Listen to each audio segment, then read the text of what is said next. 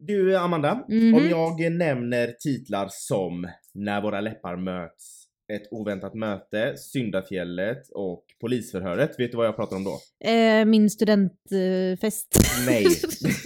jag skojar. Jo, det är novellsamlingar och noveller av författaren Johan Hermansson, som också går under författarnamnet B.J. Hermansson. Yes. Eh, Johan Hermansson är en av våra mest populära och produktiva författare av erotiska berättelser.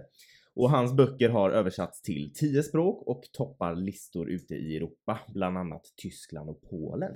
Yes, och förutom eh, erotiklitteratur har han även släppt tre romaner och släppte i våras deckaren Morden i Dalahjärna som är den första delen i en deckarserie. Och eh, Johan är precis som oss homosexuell eh, och därför är det väldigt roligt för oss att eh, vi har kunnat bjuda in honom som gäst i detta avsnitt eh, där han ska få berätta hur det var för honom att komma ut, om vägen till att bli den författare han är idag och självklart om sina böcker. Jag heter Joakim, jag heter Amanda och detta är En Gay i Taget. en gaypodd av och med oss, en bög och en flata. Som av en händelse också råkar vara syskon. Här diskuterar vi allt som är homosexuellt och mer därtill. Välkomna! Hej och välkomna till avsnitt 34. 34, ja. Och det är väldigt speciellt idag för att idag har vi våran allra första gäst i Yes. podden. Tog 34 Så avsnitt att få en gäst men, och det är en väldigt, väldigt intressant gäst. ja. Vill du Ska vi, presentera ska honom? vi Amanda? Ja. låta han presentera sig själv? Det kan vi göra, Ja. det är ännu bättre. Varsågod. Eh, ja men tack. Eh, ja, alltså det här att presentera sig själv, det är ju det är liksom inte det lättaste. Men jag är författare. Jag heter eh, Baccolage Johan Hermansson och ger ut böcker under namnet B.J. Hermansson. Och eh, jag skriver, jag har skrivit framförallt erotiska noveller. Mm. Eh, och jag har skrivit ganska många noveller, så jag har skrivit, jag har skrivit hundra erotiska noveller hittills. Och sen så har jag skrivit några romaner också.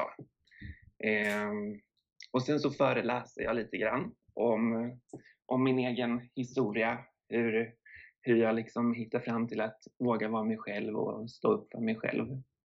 Mm. Det är ja, men, lite så. Eh, Kan det, Ja men det är väl... det eh. Ja, men Ja. det låter jättebra. Alltså, det är ju väldigt imponerande, alltså 100. Ja, hundra. Alltså, det är helt... Gud, det är, det är ingen eh, dålig siffra. Nej, exakt. Men det är Ehm, ganska många. Det, det är det faktiskt. Ja. Eh, Men sen så så under, under tre års tid, så jag har ju ändå hållit på ett tag. ja. ja. Eh, Men eh, ja, nej, men det, det är kul. Det är Mm. väldigt Ja. roligt. Och, ja. Eh, yes, eh, då ska vi se här. Du har ju beskrivit att det är som att eh, erotiken är det du brinner mest för, det som ligger dig närmast. För att det är Mm, liksom som mm. din egen kamp för ett bättre och snällare samhälle där alla får vara med och eh, finnas till. Ja, Och som du sa, du, du föreläser ju, eh, som du sa, just om utanförskap och mobbning och om vägen till att acceptera sig själv. För din uppväxt i Dalarna, som du är ifrån, var rätt Mm. utmanande för dig och det finns en anledning till att du föreläser, föreläser om det du gör. Vill du berätta lite, lite om, eh, om det? Absolut. Eh, nej men för det är verkligen så jag ser det, att det är precis som du säger, att det, att det är lite av en, menar, en kamp som jag försöker. För vi, jag tänker att vi alla kan göra så himla mycket. Mm. Och som ni gör, ni har den här fantastiska podden och tar upp så många viktiga ämnen som berör just HBTQI. Och, och just skrivandet och föreläsningarna, det ser jag som, ja men det är mitt försök, eller mitt sätt att, att använda mig då av den här, den här erfarenheten. För det var så att när jag växte upp, jag växte upp i en liten ort med, med ungefär 1500-2000 invånare Mm. på, på 90-talet. Jag är född 1992. Och, och det var väldigt så här, stereotypiskt och väldigt eh, men normativt. Att det var väldigt tydliga mallar som man skulle följa. Att Mm. var, du, var du kille så skulle du tycka om hockey, du skulle tycka om fotboll, du skulle tycka om squash. Mm. Och, och var du tjej skulle du tycka om andra saker. Och det, det var liksom...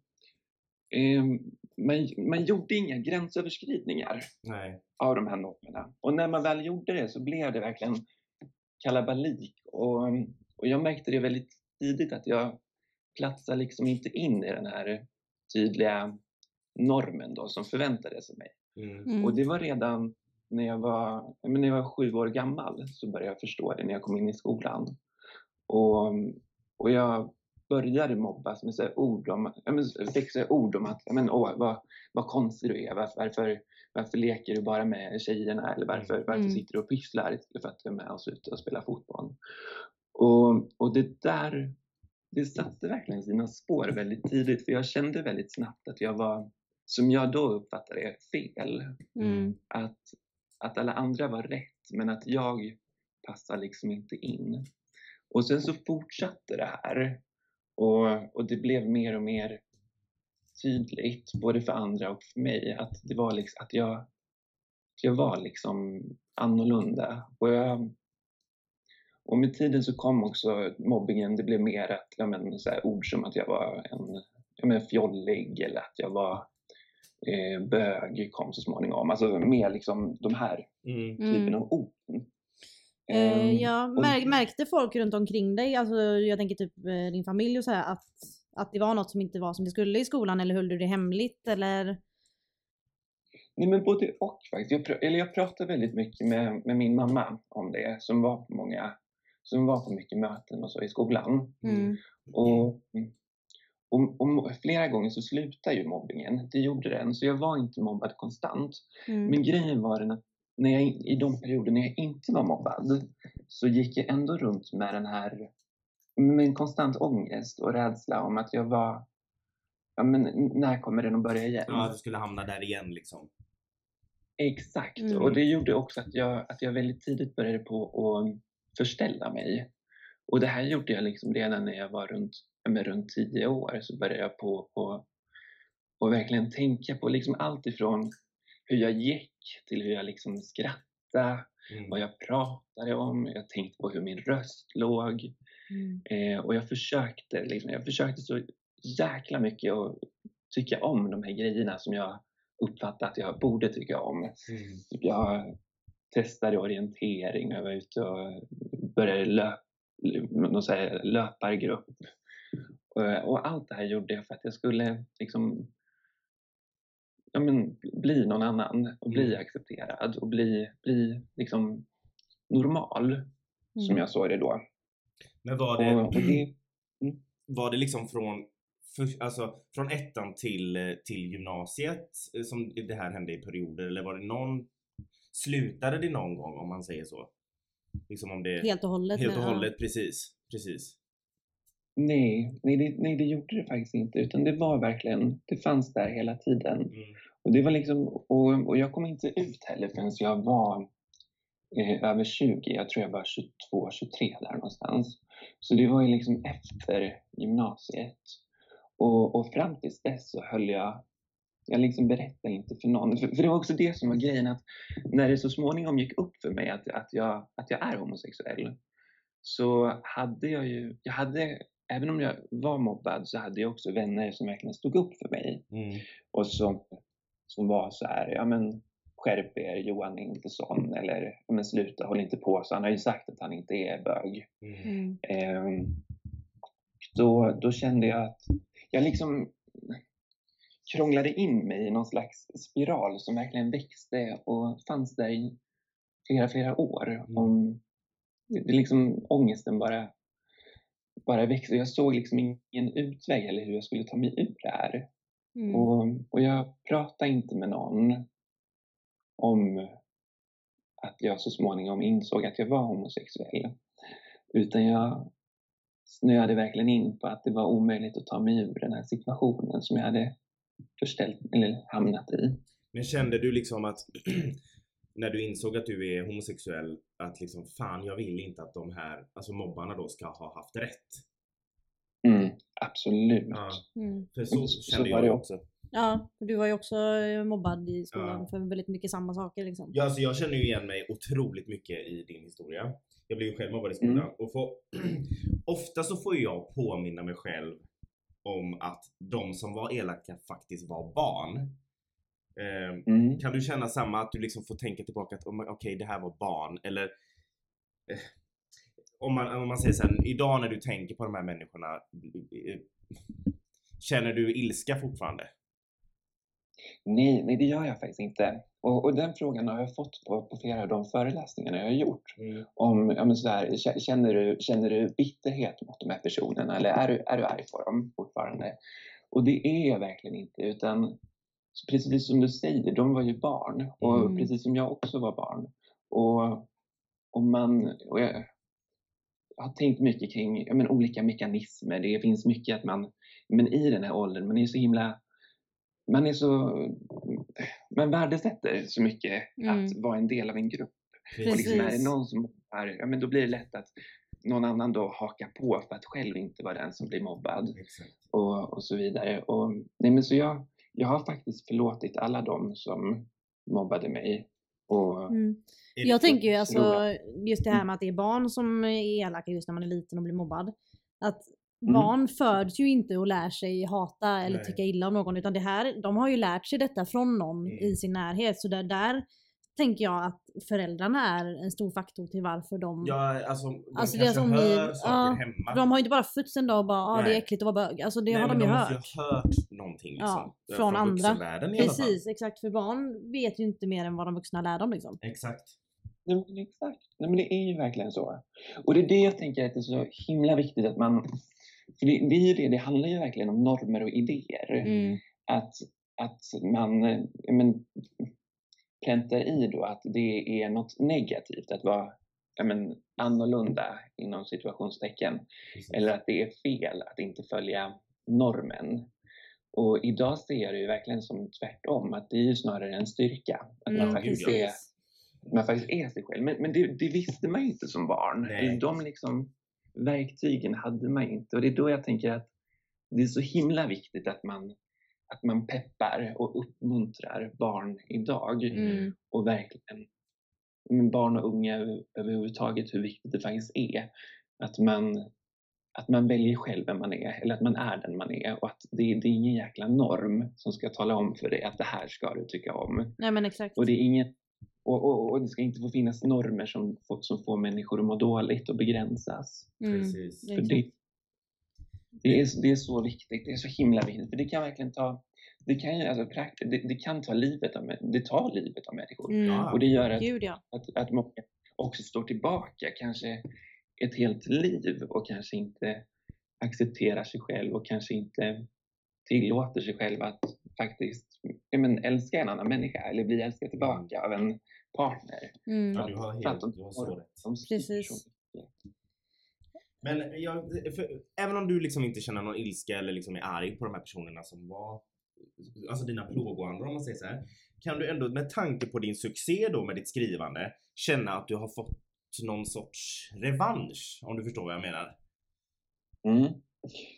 Jo, jo, men det tycker jag. Och, och jag ser det verkligen som en revansch att jag, att jag överhuvudtaget att jag överhuvudtaget lever ser jag som en Mm. stor revansch. För jag var, jag var så nära att, att faktiskt ta livet av mig ganska, men flera gånger. Och, och just det att jag, att jag idag kan, kan använda de här grejerna som jag har varit med om Mm. och faktiskt försöka hjälpa andra. Det ser jag som den stora revanschen. Mm. Det gör jag verkligen.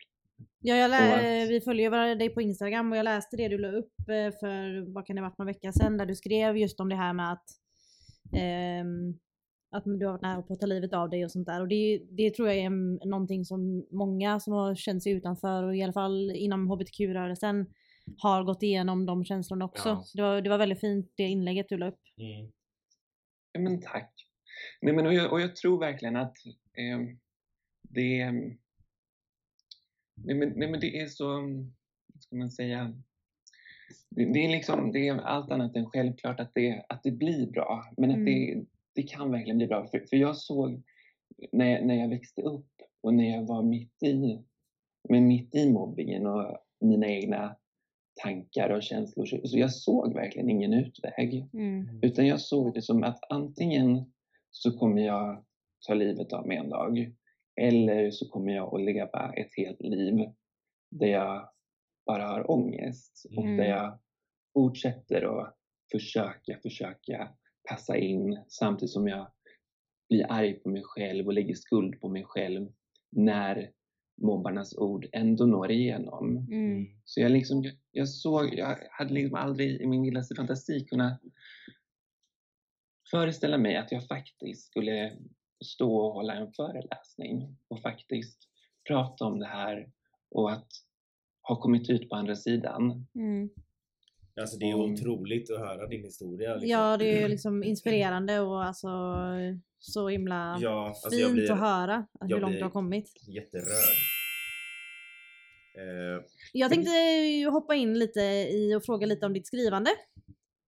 Absolut. Eh, så jag absolut. tänkte fråga dig lite, vart får du din inspiration och dina idéer till de olika berättelserna? För det... eh, det undrar jag med. Ja. Alltså, hän- händer det att du snor från verkliga livet om man säger så?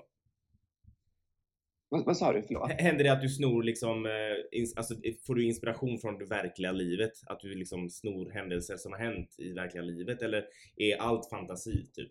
När du skriver? Nej, nej, men, nej, men det, det är faktiskt både och. Eh, Det är väldigt olika. Jag är, eh, jag är väldigt mot, mottaglig för idéer. Och sen, det, det, är många som, det är ganska många som skriver till mig och som har idéer. Att oh, men du, du borde skriva en erotisk novell om det här. Eller Mm. ah, jag partner eh, pratade om dina noveller häromdagen och vi fick en idé att du borde skriva om det här. Mm. Så det händer. Mm. Men, men ofta så är jag också eh, inne på, ja, men på, på streamingtjänsterna såsom Storytel och så kikar jag vilka noveller som finns och så försöker jag hitta, hitta det som inte finns. Mm. Mm. Det är smart. Som till exempel för en tid sedan så, så skrev jag en erotisk novell om en huvudperson med funktionsvariation. Mm. Och det, så, det, det fanns verkligen inte. Nej, just det. Ehm, Så, så, så kan det funka. Eller så kan jag också få, jag kan få en idé, jag kan, jag kan få en titel, kan jag komma på att ja, men, du, det här skulle vara en jäkligt bra titel. Mm. Eh, så det, är- det är lite olika faktiskt. Men sen så är självaste processen som så att jag brukar då ja, men, ha någon, någon typ av idé. Det kan vara då en titel eller att ja, men, det, det ska utspela sig på, i, i Berlin. Mm. Och, och sen så är det så att ja, men då sätter jag mig vid datorn och så är jag jäkligt envis. Och, och jag kan ha en dag när jag verkligen har liksom ingen som helst lust att skriva. Men sen har jag luttrat mig själv i just det att men det är bara sätt dig ner, skriv dina timmar, skriv dina sidor och sen kan du redigera. Mm. Så då så, så, så, så, så gör jag och ibland så får man redigera många gånger och ibland så, så, så går det ganska snabbt. Men vill du berätta hur, hur du kom in i det här med skrivandet? Alltså din, din eh, vad ska man säga? Hur, hur du blev den författare du är? Alltså Ja, men hur lite du så. började om man säger Mm. så. Absolut. Nej, och det har faktiskt, allt knyts liksom ihop med, med mobbingen. För att, som jag nämnde, jag, jag, jag, pratar liksom, jag pratar med min mamma om mobbingen och, och med min pappa lite grann och, och var på möten och så i skolan. Men det mesta höll jag faktiskt inom mig. Mm. Och, och, och, jag, och jag fick mycket, mycket tankar och funderingar kring i, hur det var att vara ledsen och hur det var, liksom, ja, men hur, hur hade livet kunnat se ut om det var annorlunda? Och hur hade det kunnat vara om jag faktiskt var Emma som kunde vara tillsammans med Emil? Och, Mm. och jag, liksom, jag började fundera väldigt, väldigt mycket. Och det var faktiskt på den vägen som jag hittade skrivandet. Och jag började skriva när jag var, när jag var runt tio år och märkte att ja, men här har jag ju faktiskt ett rum. Här kan jag faktiskt uttrycka mig utan att behöva tänka på hur jag rör mig eller vilka ord jag använder. Eller, det finns liksom ingen som kan komma åt mig när jag skriver. Jag är liksom ingen måltavla utan det var min egen lilla bubbla. Och jag tyckte så himla mycket om det. Mm. Och jag kände att, att, att där var jag faktiskt fri. Det var enda stället där jag kände att men här får jag faktiskt vara mig själv 100 procent. Och, och sen så fortsatte det på den vägen och jag märkte ganska tidigt, jag tror jag var runt, runt 12-13 och så bestämde jag mig för att men, det här ska jag verkligen satsa på.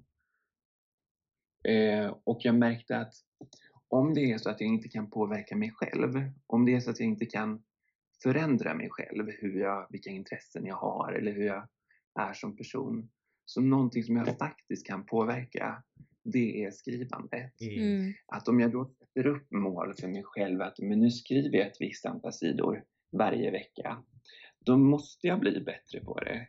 Och då måste jag så småningom kunna ge ut en bok, oavsett om det dröjer 10 år eller 50 år. Mm. Och då satte jag det som mål för mig själv och, och sen dess har jag faktiskt inte vikt ifrån det. Utan jag har haft mina mål antingen veckovis eller månadsvis eller på sommarloven att okej, men nu, nu jäklar, nu ska jag skriva en bok på 200 sidor. Det måste gå. Och sen har jag gjort det. Och det blev också, det blev faktiskt en, en slags revansch mitt i allting. Att jag märkte att det gick. Att det lyckades jag faktiskt med. Mm. Mm. Det, det kanske inte var så jäkla bra, texterna, men jag lyckades skriva de där 200 sidorna. Ja. Ja men precis. Och hur, hur, när blev du publicerad första gången om man säger så? Eh, jag publicerade någon, någon novell här och där, Mm. eh, runt när jag var runt 20, men i, i tidningar. Mm. Men självaste, eh, när jag faktiskt blev utgiven på riktigt, det var, det var 2018 när novellerna började rulla igång. Och då fick jag frågan om att skriva en erotisk novell. Och det skulle vara, det skulle det skulle, novellen skulle gärna lyfta fram minoriteter på något sätt. Och det skulle vara positiv och inkluderande erotik, fick jag det presenterat som. Mm. Och så tänkte jag att ja, men, jag provar. Och så skrev jag den novellen och så märkte jag att, att jag kunde ju faktiskt väva in så mycket av de här värderingarna som jag verkligen brinner för och som jag tycker att jag har mycket att säga till om. Och jag tyckte att det var så kul att skriva den novellen. Och sen rullade det på och så skrev vi ett kontrakt på först 10 noveller och sen 20 noveller. Och i samma veva så eh, fick jag möjlighet att publicera min första roman. Eh, och sen så sen har det liksom rullat på och blivit mer och mer. Men att allt, det, det började kan man säga med, med novellerna, att det är det första riktigt utgivna. Jag måste fråga, hur är det Mm. som homosexuell då att beskriva heterosexuellt sex i de här erotiska böckerna? Alltså jag har, lärt, jag har lärt mig så jäkla mycket. Alltså jag gjorde så mycket fel i början. Jag gjorde så mycket fel. Eh, så, så min redaktör hon, hon, hon skrev till mig så här, Johan, det, det är inte skönt när man vispar runt i Venusberget. Liksom, det var så här, allt, allt möjligt verkligen. Och så här, nej men Johan, det där, det där, det där går inte. Det, det liksom funkar inte så. Okej, nej, nej, nej. Eh, sen så, ja, men så småningom så gick det bättre och bättre.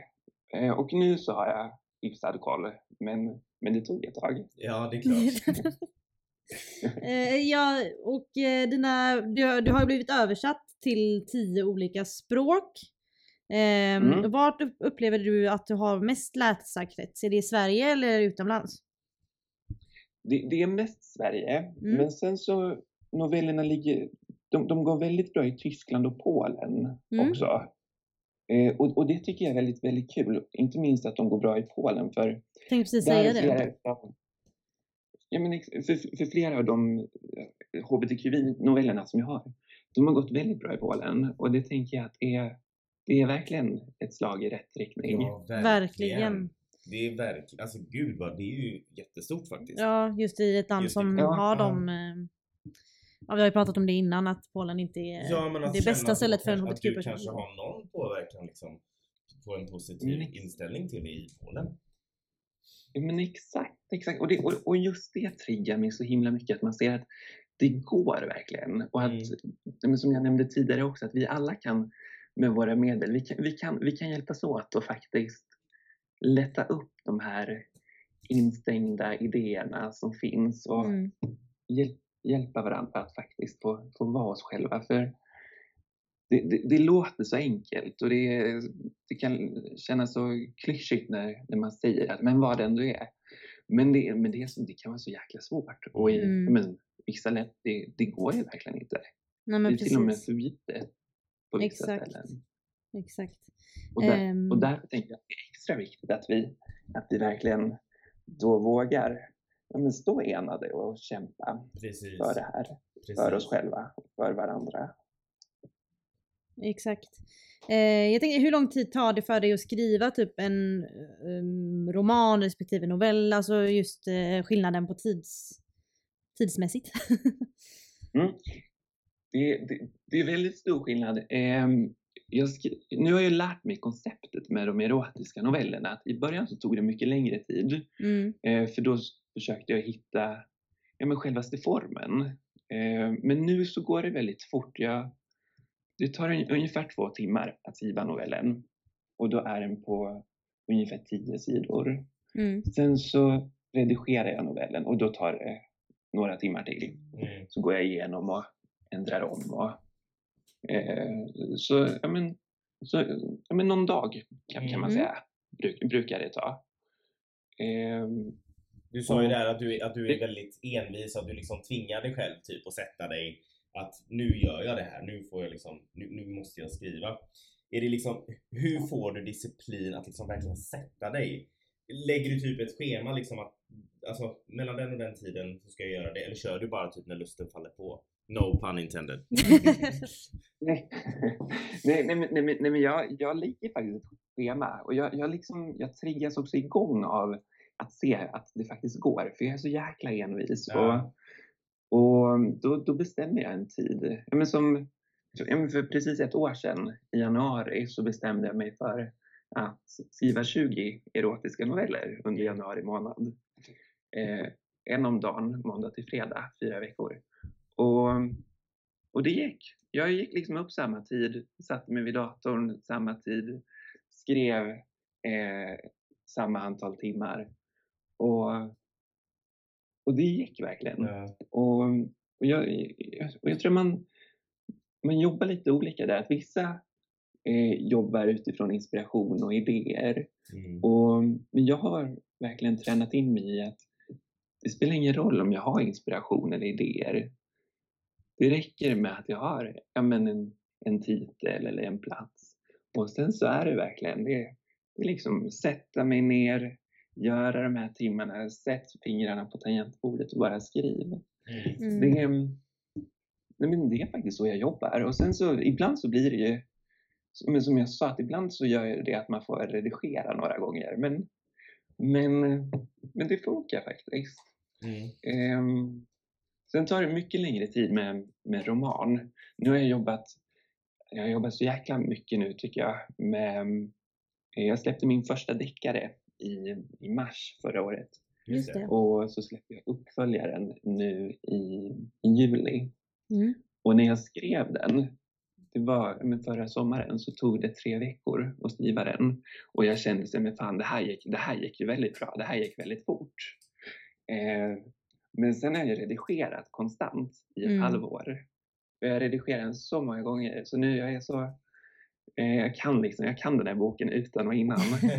ja, det är som de säger, writing is rewriting. ja. Ja men, ja, men det är verkligen det. Och, och jag har varit lite dålig på det med framförallt två av de tidigare romanerna som jag gett ut. Utan de har jag, jag har skrivit dem snabbt och sen så har jag redigerat dem snabbt. Men jag märker nu med den här boken som jag verkligen har lagt ner så mycket mer tid på att det blir mycket bättre. Mm. Och och det är så kul att se det, att det, det är verkligen värt det, även om det är riktigt drygt emellanåt när, man har, när, när du har läst de här kapitlen tio gånger ja. och så sitter man ändå där och hittar stavfel eller syftningsfel. Ja, men, men, men, att det, det är värt det i slutändan. Ja, ja men det är det ju verkligen. Eh, är det någon gång du känner att du får alltså en ordentlig skrivkramp, att det bara inte går oavsett om du sätter dig vid datorn och det bara inte kommer någonting, att hjärnan bara är helt tom typ. Nej men peppar peppar så har jag inte haft det än och, och jag tror att det kan ha lite att göra med att, jag vet när jag var, när jag var väldigt ung så skrev, så hade jag en, en lapp på mitt skrivbord och så stod det allt du skriver blir bra. Mm. Och det är mm. verkligen inte sant, men jag tänkte att hellre att jag Men jag tänkte att hellre att jag skriver en sida som är dålig, men som går att redigera, än att jag inte skriver någonting som inte går att redigera. Ja. ja, att man får ur sig det liksom. Ja, men det är ju typ som ett, det är ett väldigt bra mantra liksom. Hellre skriva en dålig sida än, än inget alls. alls. Ja, men jag tänker faktiskt det. Och då ja. har man ändå någonting att jobba med. Eh, Och, och jag tycker, och jag, och jag funkar också som så att, ja men har jag då skrivit en sida och den är, ja, den är halvbra eller den kanske till och med är dålig. Men då kommer jag ändå in i det och då liksom orden smattrar på. Mm. Och då kan då nästa sida bli bättre och nästa sida bli bättre och man liksom stärks av att men det går framåt. Och det, är, Ja. det är i alla fall ord, det är i alla fall meningar Exakt. som man kan jobba vidare med. Har du någon favorit bland dina egna berättelser? Eh, jag tycker väldigt mycket om deckaren som kommer Mm. nu. Eh, det gör jag. Men sen så är det, det, det är framförallt de novellerna där jag har hbtqi-tema. Ja. Ja, Eh. För, det, för det, det, det är de novellerna som jag verkligen känner att, att behövs. Mm. Kanske mer än... Ja, och jag känner att där så, så gör jag någonting som känns viktigt för mig. Och, och jag vill tro att de faktiskt kan uppmuntra och hjälpa andra att se att det är okej Mm. att vara, vara homosexuell, att vara bisexuell eller vem man än är. Att det, Mm. Ja men precis. det är så det skulle jag säga. Och det var det också första novellen som jag gav ut. Eh, Lazarus. Den, den, handlar om, den handlar om en man som är i medelåldern och som lever ett ganska men, trivialt liv. Han, han är liksom inte nöjd med någonting och känner att allting är väldigt meningslöst. Men, men sen så av en slump, det, det förklaras liksom inte riktigt, så, så hittar han ett elixir som han dricker och um, när han dricker det här elixiret så förvandlas han till kvinna på nätterna. Och då för första gången så börjar han på att utforska sig själv och sin sexualitet. Mm. Och, och märker att han att plötsligt så försvinner det här triviala och han hittar en mening. Att meningen ligger i att faktiskt få vara den han är. Och, och den novellen, den triggar verkligen igång den tanken hos mig att men vänta nu, jag kan ju väva in så mycket av de här värderingarna Ja, och tankarna i erotiska noveller. Och det är det som gör att jag tycker det, det är det som är det roligaste med att Mm. skriva om, när jag faktiskt kan väva in. Ja, det kan jag tänka mig. Ja men absolut för det är som du sa det är de Det är oftast de berättelserna som behövs mest liksom. Ehm, för- Ja men exakt. Och sen så, sen så försöker jag också, för jag har ju, ganska många av mina noveller hand, handlar om straighta personer. Men då försöker jag ändå väva in ja, men någonting. Eller till exempel att, att man läser om att, att man läser om en, om en kvinna och en man och eh, det de gör. Men sen att man i slutet ändå får veta att men vänta nu, det var faktiskt två, det var faktiskt två kvinnor eller det var två män.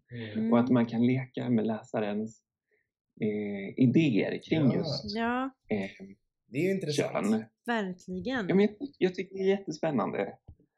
Så, Finns det någon, ehm, alltså har du någon favoritförfattare eller någon typ författare som du inspireras av? Ehm, antingen en svensk eller vem som helst.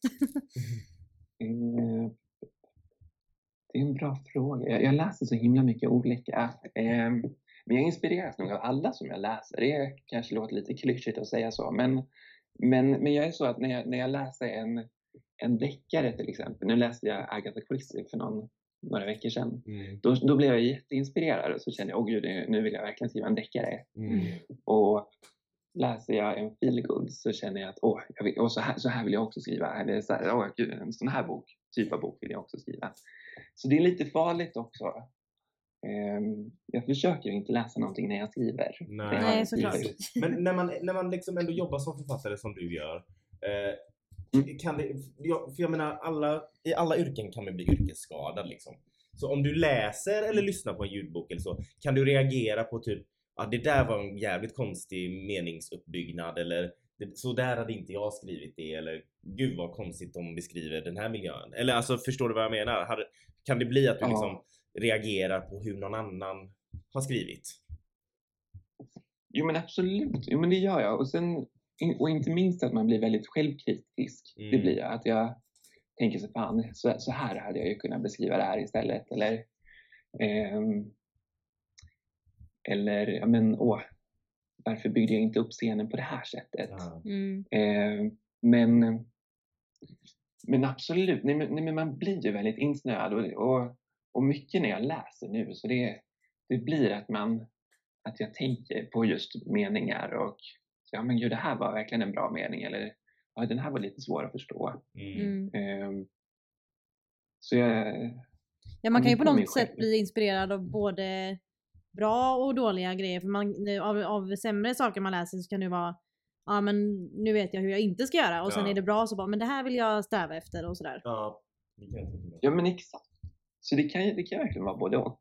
Ehm, och men, men jag tror det är viktigt att, att, att, att, man, att man vill utvecklas Mm. känner jag. verkligen. som, som författare. För, för jag märker att man har, jag har så mycket kvar att lära och jag lär mig hela tiden. Och om jag jämför de första novellerna med de som jag skrev i mitten eller de i slutet, att, att, att just det här att man faktiskt är mottaglig för kritik och Mm. feedback, att Mm. det, det, det, det hjälper så himla mycket. Och det gör att det, det, då, det är då man blir bättre, när man är beredd att ta till sig av, av andra och andras Ja, texter precis. också. Ja men exakt. Men vad känner du, liksom, vad vill du att dina läsare, vad, vad vill du att de ska ta med sig från, din, från dina berättelser? Eller alltså vad vill du att de ska få ut av det om man säger? Jag brukar tänka som så att antingen så, när jag själv skriver så har jag antingen tanken att jag vill förmedla någonting eller att jag vill förstå någonting själv. Ja. Ehm, och, och, och de erotiska novellerna, det är verkligen att jag vill förmedla de här viktiga värderingarna. Mm. Eh, men sen som med deckaren så kan det vara att, då att jag vill förstå, ja, men vad är det som motiverar en människa att faktiskt göra det här fruktansvärda brottet? Och hur, hur hanterar människorna runt omkring den här situationen? Ehm, och i deckaren så då, då, vill jag ju, då vill jag ge ja, men, spänning framför allt. Mm. Att man tycker att det är en spännande historia och att, att man själv börjar fundera då kring de här, men vad är, det som, vad är det som händer i det här lilla samhället när det här hemska brottet begås? Eller hur, hur hanterar man den här situationen? Ehm, och sen så med de erotiska novellerna så, så absolut, det är ju värderingar. Men sen är det ju också erotiska noveller så man vill ju att det ska vara att det ska liksom ägga upp läsaren, att, det ska, att de ska ja, men att det ska vara upphetsande. Mm. Ja men precis. Vad har du för ehm, eh, vad ska man säga, råd typ till andra som har eh, samma författardrömmar eller alltså, men andra drömmar men just, eh, just författardrömmar liksom. Vad har du för råd till en eh, aspiring writer? Ja, det, det är en bra fråga. Men jag, jag tänker nog faktiskt att framför allt så är det envishet och disciplin. Att det är som... Jag är övertygad om att alla kan bli bra på att skriva. Att det handlar verkligen om att sätta sig ner och, och skriva de här sidorna. Mm. Och, och jag tror att många skrivkurser och handböcker i skrivandet kan, kan vara en bra introduktion och kan vara en bra eh, hjälpande hand. Men framförallt så handlar det om att träna. Precis som om du vill bli bra på att löpträna eller fotografera, oavsett vad det handlar om. Så det gäller verkligen att sätta sig ner och kämpa på. Mm. Mm, Och öva, sen- öva, öva liksom. Ja men exakt, men öva, öva och, och räkna med att ibland går det bra, ibland går det dåligt. Räkna med att få refuseringar. Jag menar jag skrev sedan jag var ja, men runt 10 och när jag fick ge ut första boken så var jag ju, eller novellerna så var jag runt ja, men 25, 26. Så jag menar jag skrev i många, många år och skickade in så många manus till bokförlag som jag fick refuseringar på. Mm. Men att jag peppade mig själv i att ja, men det måste ju gå så småningom. Men är inte 25-26 ändå ganska ungt för att bli publicerad? Eller det känns som att eh, man kämpar länge innan man, alltså att författare, genomsnittliga författaren är äldre när den, när den liksom slår igenom om man säger. Eller är det bara jag som har fått för mig det? Nej jag känner också att. Astrid Lindgren var typ i 40-årsåldern när Ja. hon eh, fick Alla jämför med Astrid Ja. Lindgren. Nej, nej men det är faktiskt sant. Det, men det, det, det är vanligare att man ger ut när man är lite äldre. Mm. Sen finns det de som ger ut när man är yngre såklart. Men, men jag har också den uppfattningen att det är vanligare när man är lite äldre och när man kanske också har fått lite mer erfarenhet. Mm. Och Eh, och så. Men, men ja, Ja, Jag tycker det är men jag har att du verkligen- har... Ja, Jag tycker det är jätteimponerande. Ja, för du är ju liksom, nu ska jag inte säga bara 30, men du är liksom, du, du blir 30 i år då och ändå har liksom kommit så långt. Mm, ja, det är, alltså, det är grymt. Mm. ja, men det är jättekul. Det är det verkligen. Och det är, och det är så himla roligt att faktiskt se att, att det gick och att det går. Mm. Ehm, och Så dels det, men också att, att den här mobbingen och att det, som jag, att det som jag trodde att verkligen skulle ta livet av mig, att det, det gjorde faktiskt inte det. Utan det vände så Mm. småningom. Så småningom så, så gick det faktiskt åt rätt håll. Och så Mm. småningom så kunde jag acceptera mig själv och jag kunde förlåta både de andra men också mig själv. För det var det jag hade gjort under så många år. Jag hade klankat ner så mycket på mig själv och jag såg de här försöken hela tiden till att vara någon annan. Det var ett sånt misslyckande. Och jag var så arg på mig själv som, som inte vågade stå upp för mig själv. För jag hade ingenting emot homosexualitet. Men det som jag var så jäkla rädd för, det var att vara annorlunda. Mm. Att sticka ut. För det enda som jag ville, det var att vara precis som alla andra. Mm. Och när jag såg att, att, att jag inte lyckades med det så tyckte jag att jag var så fruktansvärt dålig och, och verkligen värdelös. Och att då se idag att men idag så står jag upp för mig själv och jag försöker stå upp för andra. Och, och faktiskt göra det jag kan för Mm. att kunna hjälpa någon att inte vara i den situationen som jag var i. För jag, för jag tror det jag tror just att det som jag verkligen saknade när jag växte upp, det var personer att identifiera mig med. Ja. Ja, det är just det här med representation, att det, det betyder ju väldigt mycket. Men det gör ju verkligen det. Och, och då fanns inte internet heller på samma sätt som idag. Mm. Utan då kände jag mig verkligen ja, men som ett ufo. Att det, Mm. men det är bara jag som känner så här. Det finns, finns, finns det någon annan som känner så här, som går runt med de här tankarna? Och felet då som jag gjorde, det var ju att jag höll verkligen allt inom mig. Och då gav jag ingen heller chansen att faktiskt sträcka ut en hand och, och, och hjälpa mig. Precis. Och det, är det, och det är framförallt det som jag tänker med mina föreläsningar. Att komma ut på skolor, komma ut på bibliotek och, och berätta det som borde vara så himla självklart. Att det är okej. Och det är inte bara okej, det är helt rätt att man ska Mm. vara sig själv. Det är, det, är en, det- är en rättighet och det borde vara en frihet. Mm. Det borde vara så självklart. Precis. Ja, alltså Sen jag- även det här du sa med att det är okej att be om hjälp. För det är när man väl behöver hjälp så, är, så vet man ju själv, man, man, man ber gärna inte om hjälp. Men att man, det är viktigt att veta att det är okej att göra det. Mm.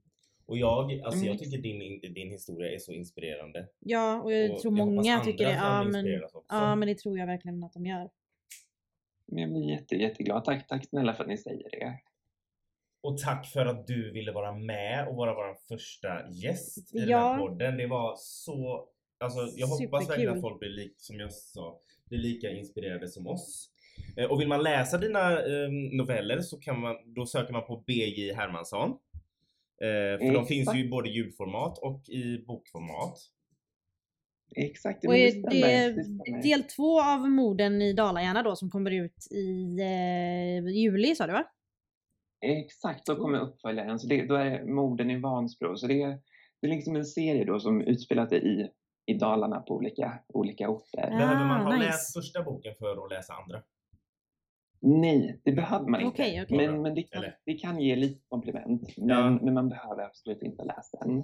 Nej, okej. Eh, så nej, nej men så det, det gör jag och så skriver jag på nu med lite, lite andra projekt och, och hoppas att det, att det fortsätter att, att rulla på. Det är jag säker Men så på. måste jag få säga Ja. tack så jättemycket att jag fick vara med i er Nej, men vi ska tacka för att du ville vara med. Det är verkligen en ära. Verkligen. Eh, och tack Lena. så jättemycket för de fina orden du har sagt och delat med dig av. Jag tror att många kommer eh, både relatera Ja. och eh, få någon sorts tröst i det du har berättat Mm. idag. Ja men tack. Men jag, hop- jag hoppas, jag hoppas. För det är Ja. det som jag ändå ser som det primära. Att, att, att faktiskt försöka få ut det här otroligt viktiga budskapet, precis som ni. Att, man, att jag gör det jag kan. Mm. Mm. Så Ja, Ja. Tack än en gång eh, för att du ville vara med. tack själva.